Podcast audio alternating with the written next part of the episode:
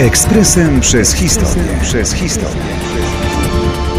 26 maja 1942 roku w Moskwie podpisano traktat radziecko-brytyjski. To był jeden z wielu momentów II wojny światowej, kiedy partykularne interesy i polityka okazały się ważniejsze niż względy światopoglądowe czy moralne. Przed wojną podobny sojusz wydałby się fachowcom od spraw międzynarodowych niedorzecznością. Atak Niemców na ZSRR postawił jednak zachodnich aliantów w bardzo niewygodnej sytuacji. Chcąc nie chcąc stali się teraz sojusznikami Stalina, zarządcy reżimu równie krwawego jak ten Hitlera.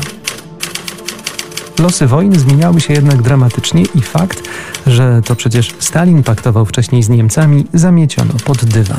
Zamieciono tam także straszne zbrodnie, takie jak mord katyński. Brytyjczycy nie zgodzili się jedynie uznać zachodnich granic ZSRR z roku 1941, a więc sprzed agresji niemieckiej. Cel zawiązania traktatu wyjaśnia właściwie już jego pełna nazwa. Zacytujmy.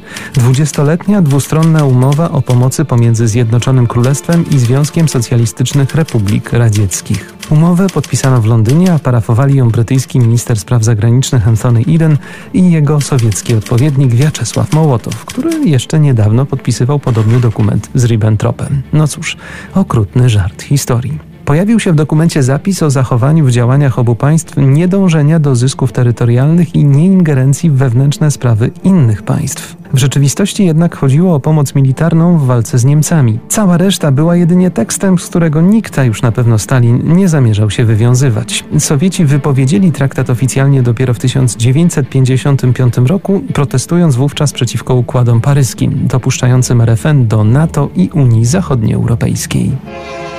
Ekspresem przez historię. Przez historię.